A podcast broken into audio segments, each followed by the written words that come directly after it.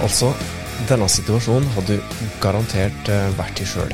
Du har akkurat brukt eh, godt med tid på å skrive det du mener er skikkelig god tekst. Det er et eh, Facebook-innlegg eller et Instagram-innlegg. Du trykker 'publiser', og så skjer det ingenting.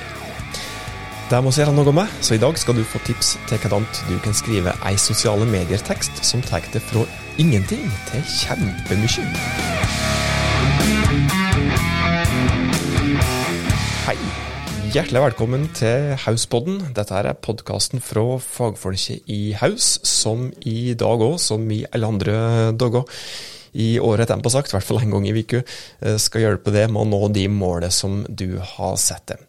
Tusen takk for at du har trykt på play på denne episoden her òg. Det er du som gjør at oss holder det gående i denne podkastserien her. Jeg heter forresten Tormod Sperstad. Det er jeg som skal prate om tekst i sosiale medier i dag, for det er det det skal handle om.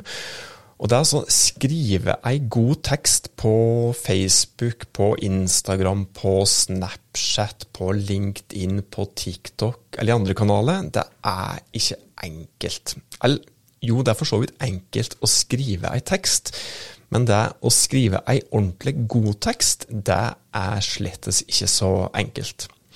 Og så er det òg slik at det som du som avsender kanskje tror er ei god tekst, det er ikke nødvendigvis det som målgruppa di opplever som ei god tekst. Så alt dette her må vi da få prøve å gjort, gjort noe med i, i dagens podkastepisode. Så du skal rett og slett få noen tips, intet mindre enn sju konkrete tips til hvordan du kan skrive ei god sosiale medier-tekst, uansett hvilken kanal det er prat om. Og Det første tipset, vi går rett på sak her, første tipset er at du må tenke over hvem er egentlig målgruppa di. Prøv å sette i skoet til målgruppa. Tenk over hvem er det egentlig du skal skrive for. For det er jo slik at du kan ikke snakke til vidt forskjellige målgrupper på nøyaktig samme måte, verken når det er prat om ord eller visuell kommunikasjon. Og hvis du da skal prate til en 17-åring, så må du nok nødvendigvis kanskje ordlegge det litt annerledes, eller om du skal prate til en 79-åring, for å ta inn i den andre skalaen. Og jeg vet jo meg sjøl at det kan være lett å gå i den der fella som ja, jeg er jo godt over halvveis i livet, vil jeg tro. Velvoksen hvit mann som pusher 50 osv. Det kan være lett å gå i den fella at du skal prøve å være überkul for å prøve å treffe den der 17-åring som kanskje er i målgruppa di. Og hvis du da er rundt omkring 50 år og prøver å bruke ungdomssjargong, prøver å være überkul, så blir du fort avslørt, og da treffer du i alle fall ikke målgruppa di.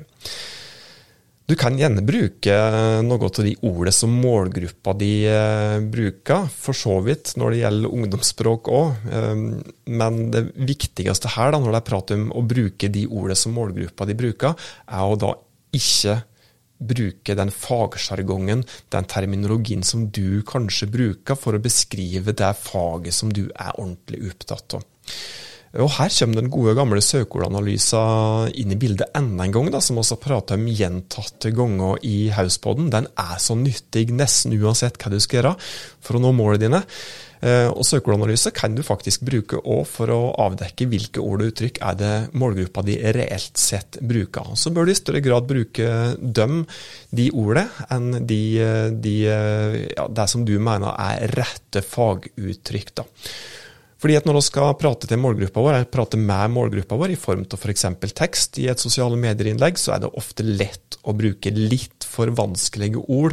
Og Vanskelige ord det skal du ikke bruke. og ja, Prat så nedpå så enkelt som mulig, og prøv å bruke de ordene som målgruppa di bruker. Eksempel her finnes jo flere av dem, men hvis en skal ta noe som er ja, relatert til det som vi leverer i Haus f.eks., som bl.a.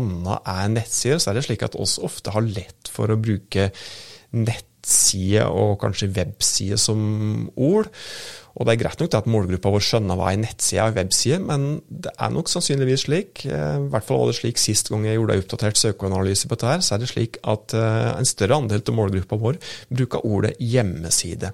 Så slik sett, for at eh, målgruppa vår da skal bli truffet av f.eks. en god tekst der vi omtaler f.eks. en nettside, så kan det være lurt for oss å bruke ordet hjemmeside istedenfor nettside. Og Jeg er helt sikker på at du òg uansett hva du driver med, kan, kan komme fram til akkurat eh, ja, tilsvarende eksempel. Da.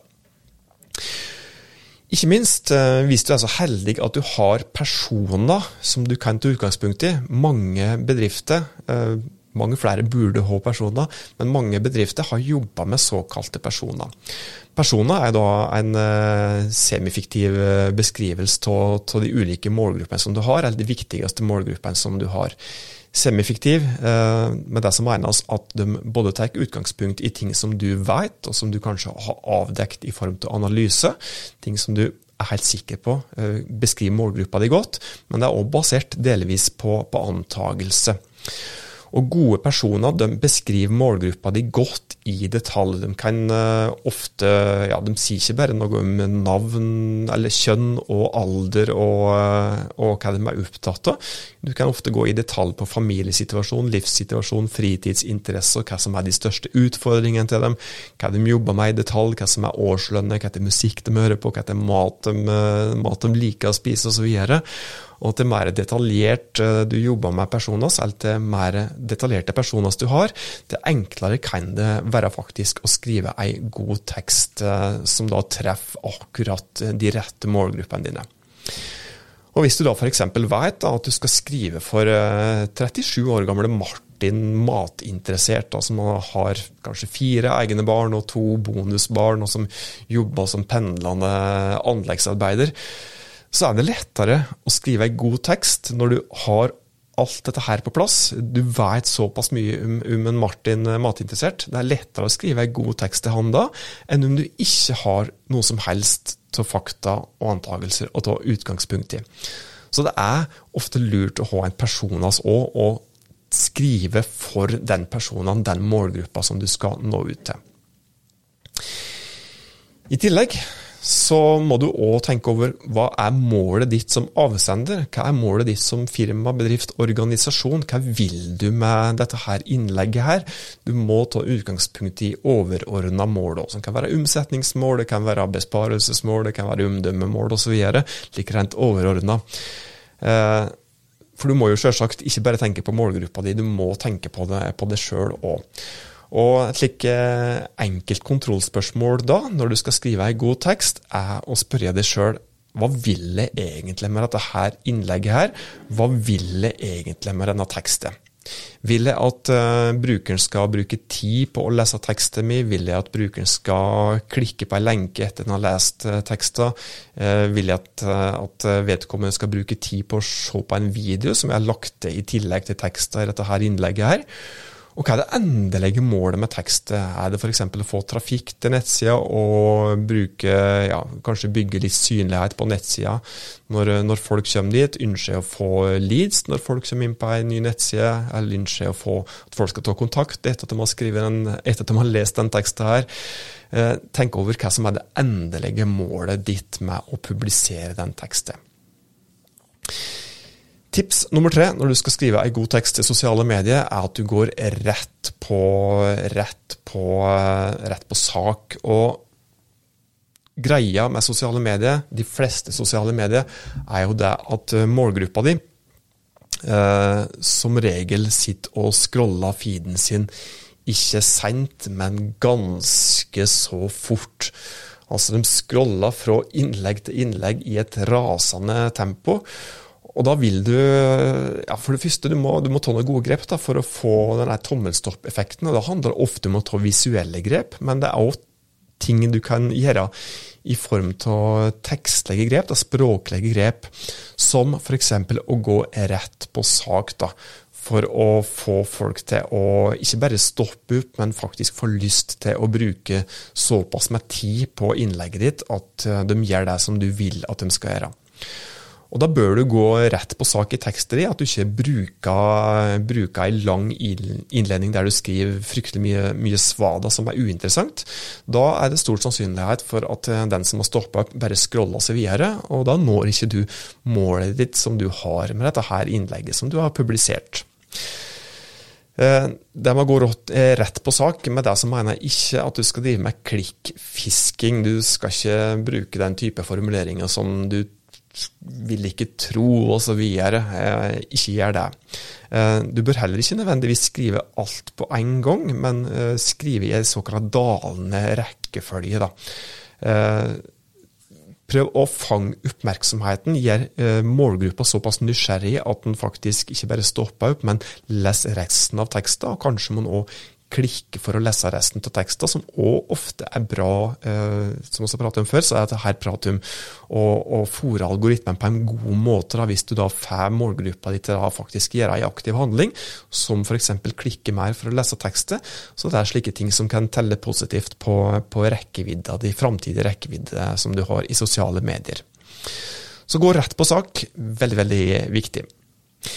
Tips nummer fire er at uh, du bør eh, være uformell når du skriver, men du bør òg ta hensyn til den tone of voicen som du forhåpentligvis har i bedrifter.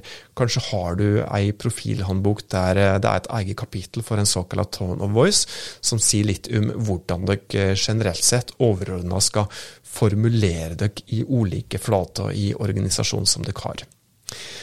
Det er lov å være laus i snippen. Jeg sa at det er lurt å være uformell, og i enkelte kanaler så kan det være lurt å være lausere i snippen enn i andre kanaler. Kan jo hende at, ja, at, at målgruppa di tåler at du er mindre formell i Snapchat enn det som du f.eks. er på, på LinkedIn. Selv om jeg nok vil si det at LinkedIn slettes ikke er en slik dress- og slipskanal heller. Tips nummer fem er at du bør unngå de verste grammatikalske feilene. Altså grove feil, som f.eks. stygge orddelingsfeil, stygge og og-feil, der kan få sjøl den mest seriøse til å framstå som useriøs. Jeg personlig er en liten språkanarkist. Det mener jeg vel for så vidt at det er lov å, lov å hvert fall blande litt like dialektord i enkelte sosiale medier. Bruke litt like ja, mjuke litt opp, som kanskje ikke er helt i tråd med, med, med ordbruka. Men i verste feil, i hvert fall, og da prater jeg spesifikt om spesielt orddelingsfeil og å-feil, konsonantfeil òg slike ting, det er ikke brukbart. Og det kan jo hende at eh, du sjøl ikke er helt trygg på, eh, på, på orddeling og og og, f.eks. Og hvis du er litt utrygg på det, så kan det være smart å alliere seg med en eh, liten partner, en eller annen som kan lese over innlegget før dere publiserer. Tips nummer fem er at du bør ta denne berømte høytlesningstekster før du klikker 'publiser'. Ting ser ofte bra ut når du ser det på skjermen framfor deg, ser det på papir, eh, og du bare leser det uten å si høyt. Men hvis du tar en høytlesningstest, der du da leser innlegget ditt før du trykker 'publiser', den enkle tingen der, det kan faktisk avdekke både grove feil, som også prater om at du ikke bør ha, og ikke minst formuleringa. Eh, at du kan da f.eks. Eh, lettere høre at ah, dette her høres litt for stivbeint ut, dette blir for formelt. Og det, da, det at du da gjør denne høytløsningstesten der, da, kan da faktisk føre til at du da greier å skrive ei bedre tekst som treffer målgruppa di bedre.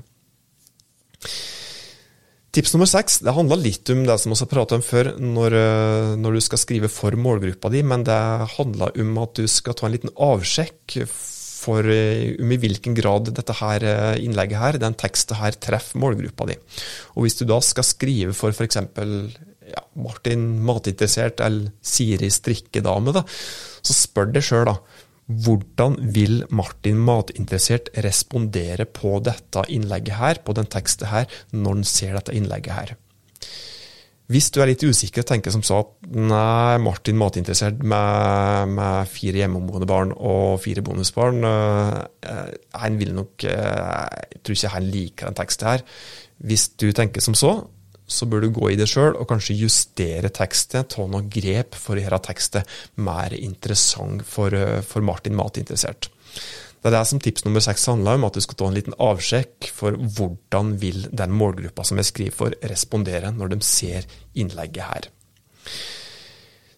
Tips nummer sju, som er dagens siste tips, er at eh, du ikke må glemme handlingsoppfordringen din. Ikke glem call to action. Call to action eh, er langt mer enn bare kjøp nå, last ned osv. Eh, det kan være mjuke ting òg, som f.eks. Uh, at du oppfordrer til å legge inn en kommentar. F.eks.: Hva synes du om nyheten om at osv.? Eller hvordan, vel, hva er ditt beste tips for å få sprø svor på ribba, f.eks.? Det er òg for så vidt en handlingsutfordring, at du da oppfordrer eh, til å få engasjement. da.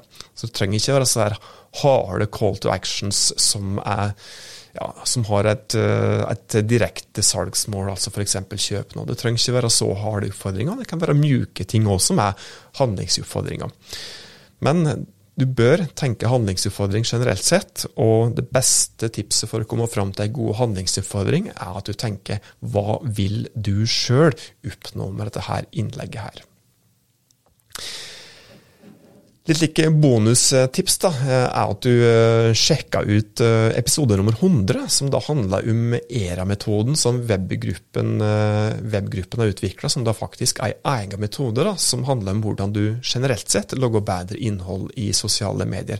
Så sjekk igjen ut denne episoden her òg, i Hauspodden, episode nummer 100.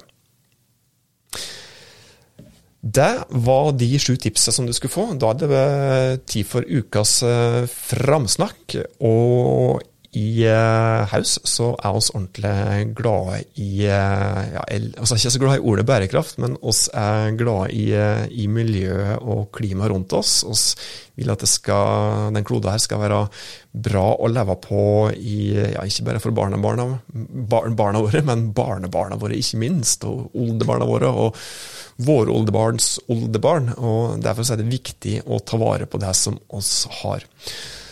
Og sirkulærøkonomi, eh, bærekraft, det blir viktigere og viktigere. Og et eh, firma eller en institusjon som tenker bærekraft, og som er flinke på dette her, blant mange andre, det er Pedalen på Lillehammer, som er et initiativ fra Kirkens Bymisjon. Og Pedalen Lillehammer, det som de gjør, er rett og slett, enkelt sagt, å gi nytt liv til døde sykkeldeler. Så dine gamle, det som du tror er utslitte sykkeldeler, gamle sykler, det kan faktisk gi nytt liv til nye sykler. Så det var ukas framsnakk. Sjekk ut Pedalen Lillehammer. Jeg vet at de bl.a. er til stede på Instagram, så følg dem gjerne. Det var det som vi uh, skulle prate om i dagens episode av Hauspodden. Som vanlig, hvis du setter pris på de tipsene som vi hadde å komme med, så blir vi glade hvis du deler det glade budskap med noen andre. For det hjelper oss med å hjelpe andre bedrifter med å nå målene sine. Inntil oss høres neste gang, ta godt vare på det og dine.